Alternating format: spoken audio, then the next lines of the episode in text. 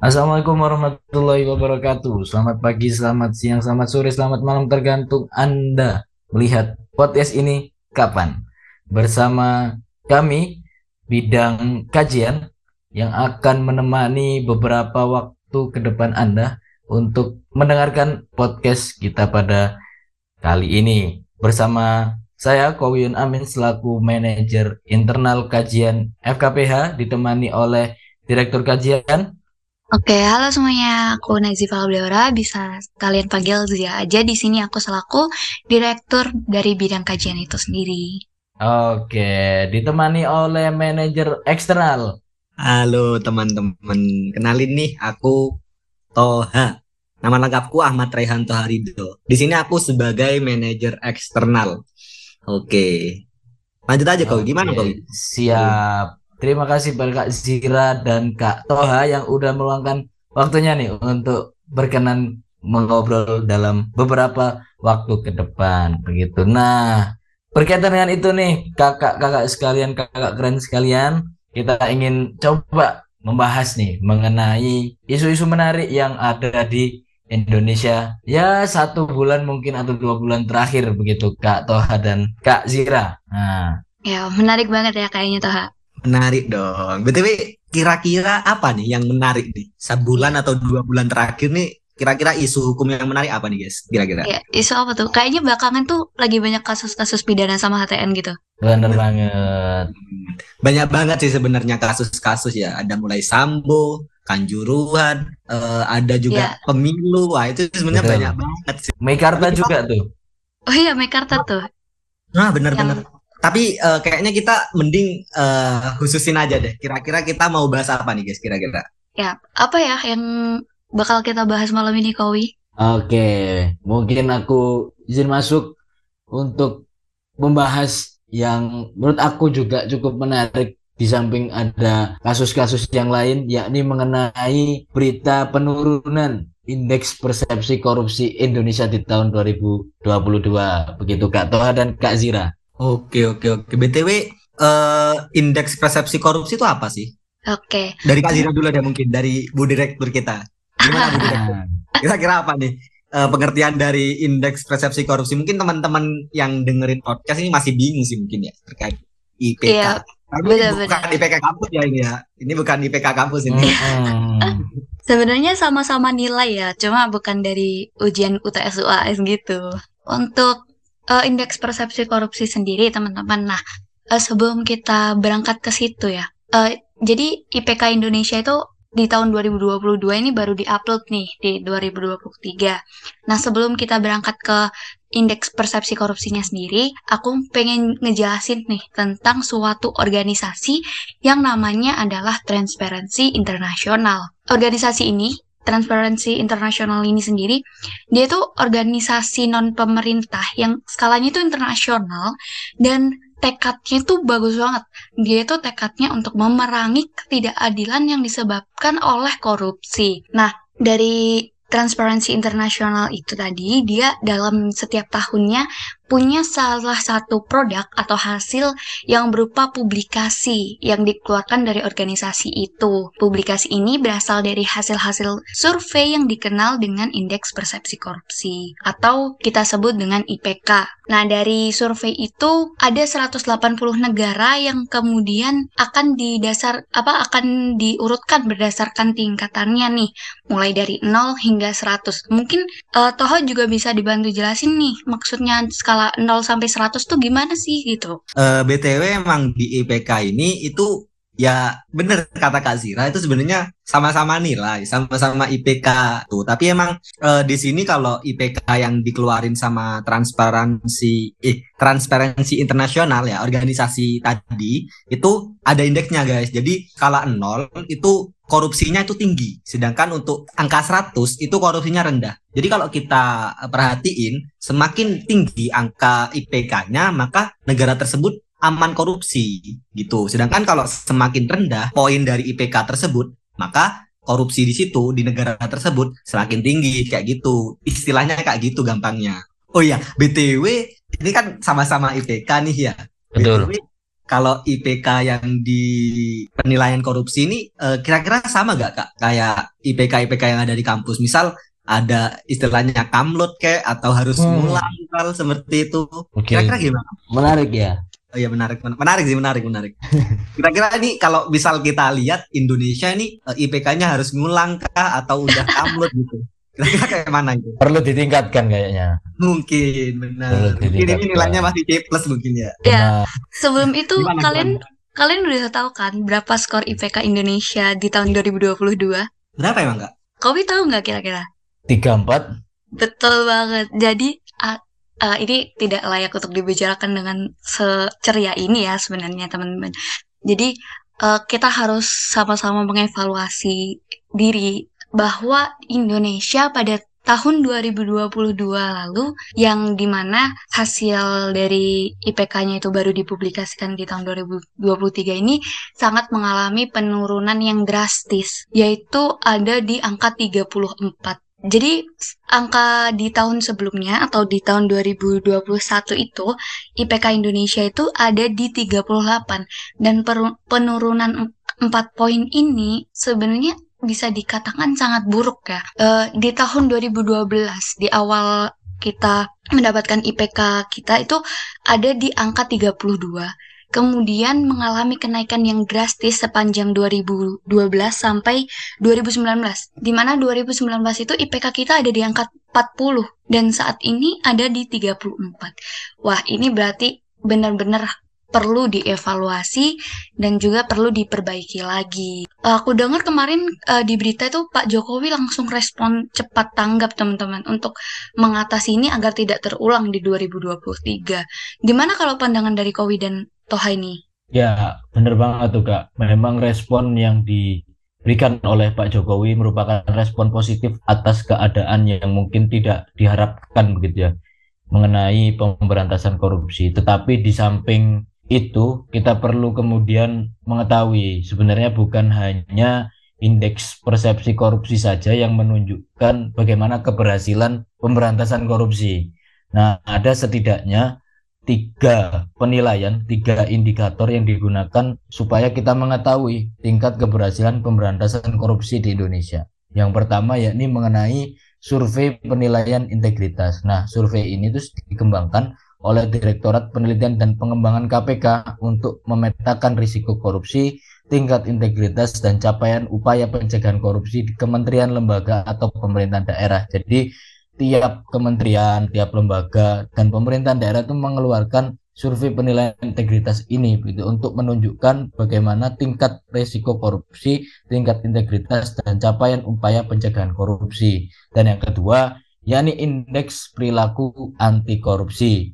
Nah, ini digunakan untuk mengukur tingkat permisivitas masyarakat terhadap perilaku anti korupsi dan mencakup tiga fenomena nih. Yang pertama yakni penyuapan, dan yang kedua adalah pemerasan, dan yang terakhir nepotisme. Gitu. Jadi indeks perilaku anti korupsi ini lebih pada masyarakat itu sendiri.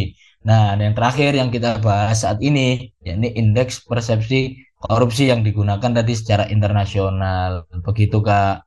Kalau dari Toha mungkin ada yang mau disampaikan Ya, ya, ya. tambahan gitu. Ya ya, kalau aku baca-baca lagi sih ternyata emang cukup miris juga sih ya. Kalau padahal kita di dari tahun 2012 nih udah lumayan lah ya, kita udah ningkat sampai 40 poin yang awalnya 32. Tapi emang sayang banget nih, sekarang turunnya lumayan drastis sampai ke 34.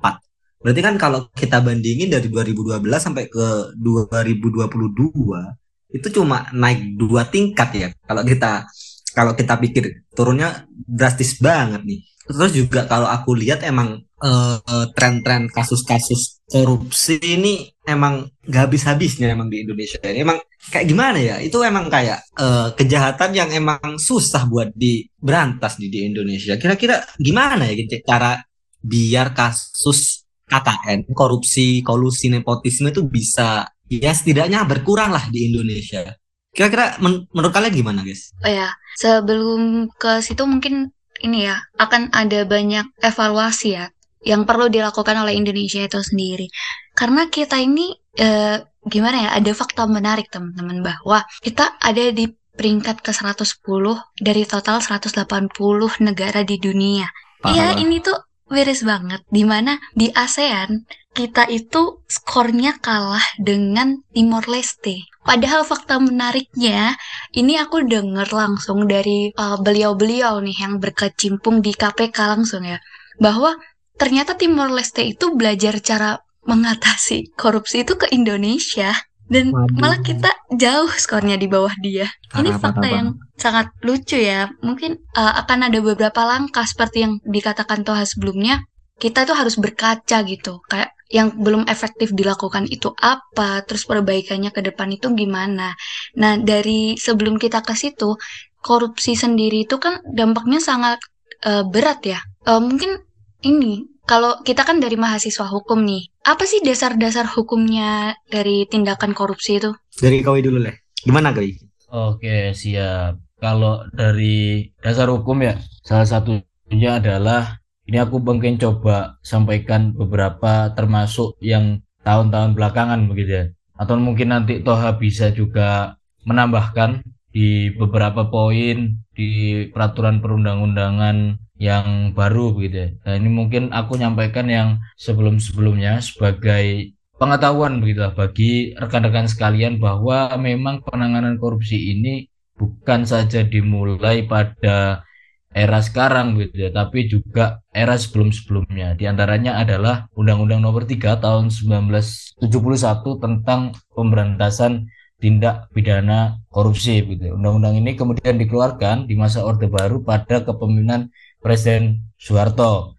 Nah, di dalam ketentuan tersebut mengatur pidana penjara maksimal seumur hidup serta denda maksimal 30 juta bagi semua delik yang dikategorikan sebagai korupsi. Nah, yang kedua ada ketetapan MPR nomor 11 tahun 1998 tentang penyelenggaraan negara yang bersih dan bebas KKN. Nah, ini pun diinisiasi usai rezim Orde Baru tumbang diganti dengan masa reformasi. Gitu. Munculnya TAP MPR tersebut eh, diupayakan untuk rezim atau pemerintahan pada saat itu bersih dari penyelenggaraan negara yang syarat akan KKN gitu. Jadi dengan salah satunya adalah tim gabungan penanggulangan tindak pidana korupsi, Komisi Ombudsman Nasional, Komisi Pemeriksaan Kekayaan Pejabat Negara dan beberapa lainnya. Begitu dan kemudian ada Undang-Undang Nomor 28 Tahun 1999 tentang penyelenggaraan negara yang bersih dan bebas KKN. Nah, undang-undang ini berbeda dengan sebelumnya ketika kemudian dibentuk pada era Orde Baru tetapi dalam undang-undang ini dibentuk di era Presiden B.J. Habibie tahun 99 sebagai komitmen pemberantasan korupsi pasca eh, mundurnya rezim Soeharto pada Orde Baru gitu. Nah, ini merupakan salah satu komitmen B.J. Habibie untuk menangani salah satu permasalahan besar yang ada di era Orde Baru. Dan yang selanjutnya di era reformasi juga ada Undang-Undang Nomor 20 Tahun 2001 tentang pemberantasan tindak pidana korupsi. Nah, ini telah menjadi landasan hukum pemberantasan tindak pidana korupsi di tanah air begitu. Nah, mungkin Toha ada yang mau ditambahkan dari undang-undang yang aku sampaikan atau Kak Sira? Aku mau masuk sih. Kalau Oke, aku lihat-lihat lagi emang eh, sebenarnya udah banyak banget peraturan yang ngatur terkait korupsi ini. Udah banyak banget. Kalau eh, dihitung-hitung mungkin ada sekitar 10 atau mungkin lebih gitu ya. Sebenarnya udah banyak banget. Tapi emang ya kembali lagi sih emang ke diri kita masing-masing ya buat mencegah terjadinya tindak pidana korupsi. Juga sebenarnya dari kementerian-kementerian di luar sebenarnya ini bukan tupoksi mereka buat ngurusi korupsi itu juga ikut andil sebenarnya buat mencegah korupsi. Buktinya tuh ada salah satu Permendistek Permenristek Dikti, sorry, Permendistek Dikti nomor 33 tahun 2019 tentang kewajiban penyelenggaraan pendidikan anti korupsi di perguruan tinggi. Itu kan sebenarnya di sini bukan tupoksi kementerian tersebut buat eh, menanggulangi tindak pidana korupsi, tapi memang karena emang urgent banget ya buat mencegah terjadinya tindak pidana korupsi dan juga buat menanamkan nilai-nilai kejujuran dan anti korupsi di di lembaga perguruan tinggi itu juga akhirnya kementerian yang sebenarnya gak menja- gak punya tupoksi buat e, mencegah korupsi itu akhirnya juga ikut andil gitu. Tapi kalau menurutku sih nggak apa-apa sih ya, karena emang nggak bisa kalau cuma KPK doang yang e, mencegah korupsi ataupun mungkin presiden doang itu emang nggak bisa. Emang harus dari segala lini ya mungkin ya untuk gimana caranya biar korupsi ini bisa berkurang lah istilahnya kayak gitu. Jadi kalau uh, ya menyambung dari hal tersebut sih sebenarnya emang langkah dan solusi yang perlu dilakukan itu sebenarnya bisa dengan tiga cara sebenarnya. Kalau cara pertama itu ada upaya represif. Jadi kalau upaya represif itu uh, dengan memberikan hukuman yang tegas ya, dengan melaksanakan hukuman dan juga peraturan-peraturan yang udah dibuat oleh pemerintah dan tentunya gak cuma buat peraturan doang, tentunya juga dilaksanakan dan koruptor yang emang terbukti melakukan tindak pidana korupsi emang harus dihukum sesuai dengan peraturan yang berlaku gitu. Terus juga kedua itu juga di, bisa dengan memperbaiki sistem. Jadi emang kalau kita lihat emang kita kan sekarang ya semua serba online lah ya, semua semua serba online. Semua bisa diakses secara daring. Jadi emang sekarang itu perlu adanya modernisasi sistem dengan metode online agar lebih transparan dan efektif melalui suatu sistem yang terintegrasi. Jadi emang e, mau gak mau cara menanggulangi korupsi emang dari semua lini dan cara agar semua elemen masyarakat bisa ikut andil dalam mencegah korupsi juga dengan transparansi. Oleh karena itu, perbaikan sistem dengan transparansi laporan korupsi dan lain sebagainya itu menjadi sangat penting. Terus juga cara yang terakhir itu juga bisa dengan melakukan edukasi. Nah, edukasi ini sangat penting banget memang kalau menurutku ya. Kenapa? Karena dengan edukasi kita itu akan memberikan pengetahuan, pengetahuan kepada masyarakat bahwa korupsi ini merupakan hal yang sangat berbahaya bagi kebutuh bagi keutuhan bangsa dan negara. Dan juga sebenarnya ya kalau kita perhatikan lebih lanjut, emang eh, kesadaran korupsi, kesadaran, uh, anti korupsi itu emang harus muncul dari diri kita sendiri. Gimana caranya kita biar bisa mencegah hal-hal kecil yang mungkin kita anggap itu hal sepele sebenarnya. Akan tetapi sebenarnya itu merupakan uh, langkah awal untuk melakukan suatu korupsi gitu. Emang semua hal itu emang berasal dari hal-hal kecil. Akan tetapi ya dengan adanya edukasi ini gimana caranya agar kita itu lebih aware terhadap hal-hal kecil yang mungkin kita anggap sebagai hal yang remeh akan tetapi di situ bisa menyebabkan uh, tindak pidana korupsi kayak gitu. Soalnya emang kita harus benar-benar uh, menanggulangi dari akar rumputnya seperti itu agar nanti ke depannya itu tidak menyalur ke eh, hal-hal uh, yang besar kayak gitu. Mungkin itu sih kalau menurutku ya tentang cara nanggulangin korupsi kayak gitu. Masuk akal, masuk akal. Ya aku pun sepakat gitu mengenai poin transparansi memang menjadi unsur yang cukup penting dalam upaya penanganan korupsi gitu. Dan kalau aku boleh menambahkan begitu ya, itu perlu kemudian ada perbaikan dalam tiga hal setidaknya. Yang pertama berkaitan dengan struktur hukum begitu ya. Nah, struktur hukum ini berbicara kemudian mengenai aparatur hukum Nah, bagaimana kemudian uh, aparat penegak hukum ini juga harus memahami betul bagaimana peraturan perundang-undangan yang membicarakan mengenai korupsi dan perilaku aparatur hukum ini pun juga perlu ditingkatkan begitu ya mengenai bagaimana penyuapan itu kemudian bolehkah kemudian aparat menerima suap dan lain sebagainya dan aparatur hukum ini pun juga merupakan elemen yang cukup penting dalam penegakan hukum gitu. yang menjadi contoh di dalam masyarakat salah satunya adalah aparatur hukum itu sendiri ketika kemudian aparatur hukum ini sudah berkomitmen untuk mencegah korupsi dari segala lini dari segala lembaga maka kemudian masyarakat juga akan melihat hal tersebut. Dan yang kedua mengenai substansi hukum, yakni mengenai pengaturan hukum mengenai tindak pidana pemberantasan korupsi itu sendiri. Ketika kemudian tadi sudah dipaparkan beberapa produk hukum mulai dari Orde Baru hingga reformasi, itu kemudian perlu dioptimalkan dengan kinerja-kinerja struktur hukum yang kemudian bisa memahami dan mensosialisasikan itu dengan baik kepada masyarakat. Dan yang tiga, yakni mengenai budaya hukum. Bagaimana kemudian masyarakat ini juga mengamini apa yang menjadi upaya-upaya pemerintah dalam agenda pemberantasan korupsi. Bagaimana tingkah laku manusia itu dalam kesehariannya, eh, praktek-praktek kehidupan sehari-hari itu harus terbebas kemudian dari penyuapan, dan lain sebagainya begitu ya. Sehingga tiga elemen itu tadi menjadi hal yang pokok untuk kemudian memperbaiki pemberantasan korupsi sehingga dapat meningkatkan indeks persepsi korupsi di Indonesia. Gitu Toha dan Kak Zira. Mungkin Kak Zira ada mau menambahkan Wah iya, ini menarik sekali ya terkait apa yang telah disampaikan sama Toha dan juga Kowi. Aku sangat setuju terkait poin yang budaya masyarakat nih, seperti yang dikatakan Kowi dan juga tadi sempat disinggung sama Toha juga ya, yang terkait kayak kebiasaan-kebiasaan masyarakat itu. Nah, eh, bahasa sederhananya teman-teman, misalnya sebagai seorang anak nih, kita eh, misalnya bilang ke, Ma, Pa, butuh duit nih 100 ribu buat beli buku gitu. Padahal ternyata bukunya 50 ribu. Nah, itu kan uh, kita secara nggak sadar tuh udah menanamkan jiwa-jiwa korupsi ya sejak dini. Iya, parah sih, parah sih. itu banyak banget sih itu kayaknya. Iya, Apalagi kan? ini pas awal-awal semester nih, pas butuh-butuh buku, ya kan? nah, itu Itu biasanya sering Pak kayak gitu itu. Mintanya Iya, makanya ini tuh 100, relate padahal banget. 50 harganya.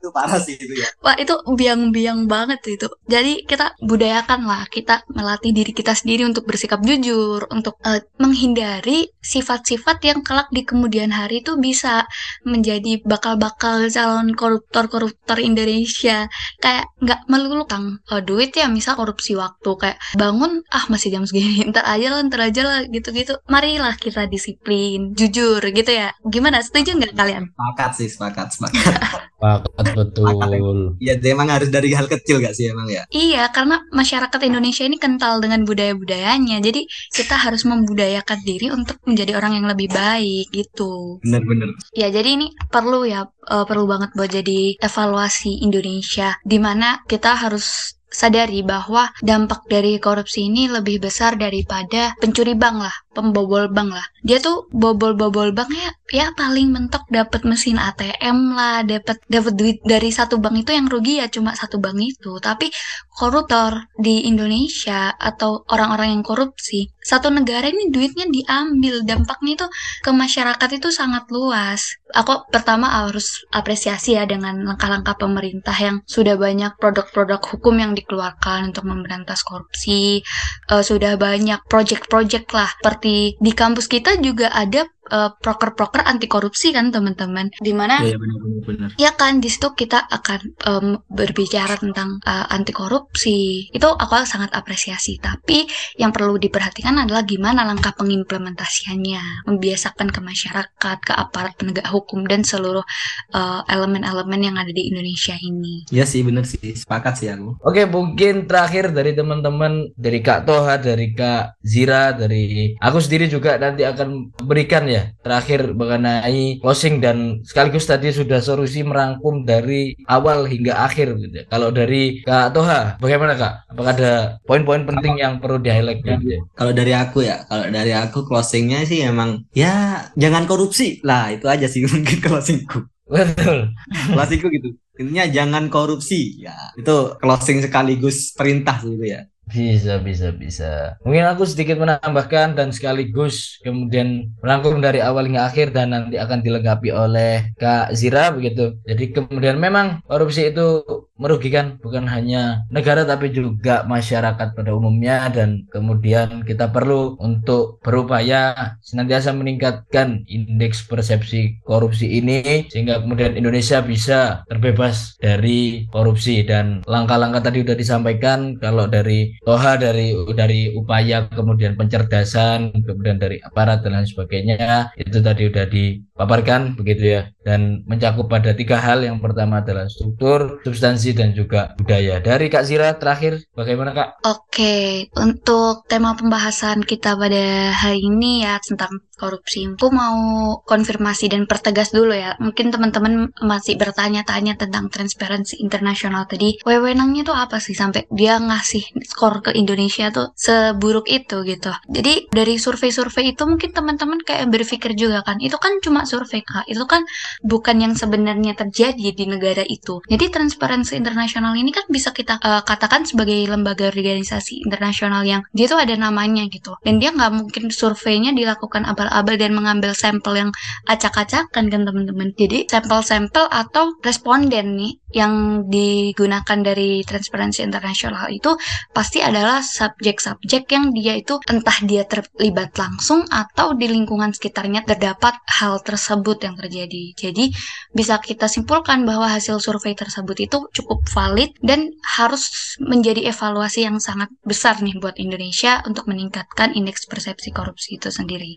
Dan closing statement dari aku uh, aku orangnya suka mengutip quotes ya teman-teman. Jadi di sini ada quotes dari Angel Gurria. Uh, dia selaku OECD Secretary General itu beliau berkata begini, integritas, transparansi dan juga pemberantasan korupsi itu harus menjadi bagian dari budaya. Mereka harus diajarkan sebagai nilai-nilai fundamental. Nah, itu harus ditanamkan tuh di Indonesia. Cukup itu sih Kowi dari aku. Mantap. Oke, terima kasih Kak Toha dan Kak Zira dan teman-teman sekalian mungkin aku bisa menutup juga dengan pantun begitu ya. Naik delman pergi ke kota. Jangan lupa membeli Alpukat. Demikian Asik. podcast kita. Semoga bermanfaat.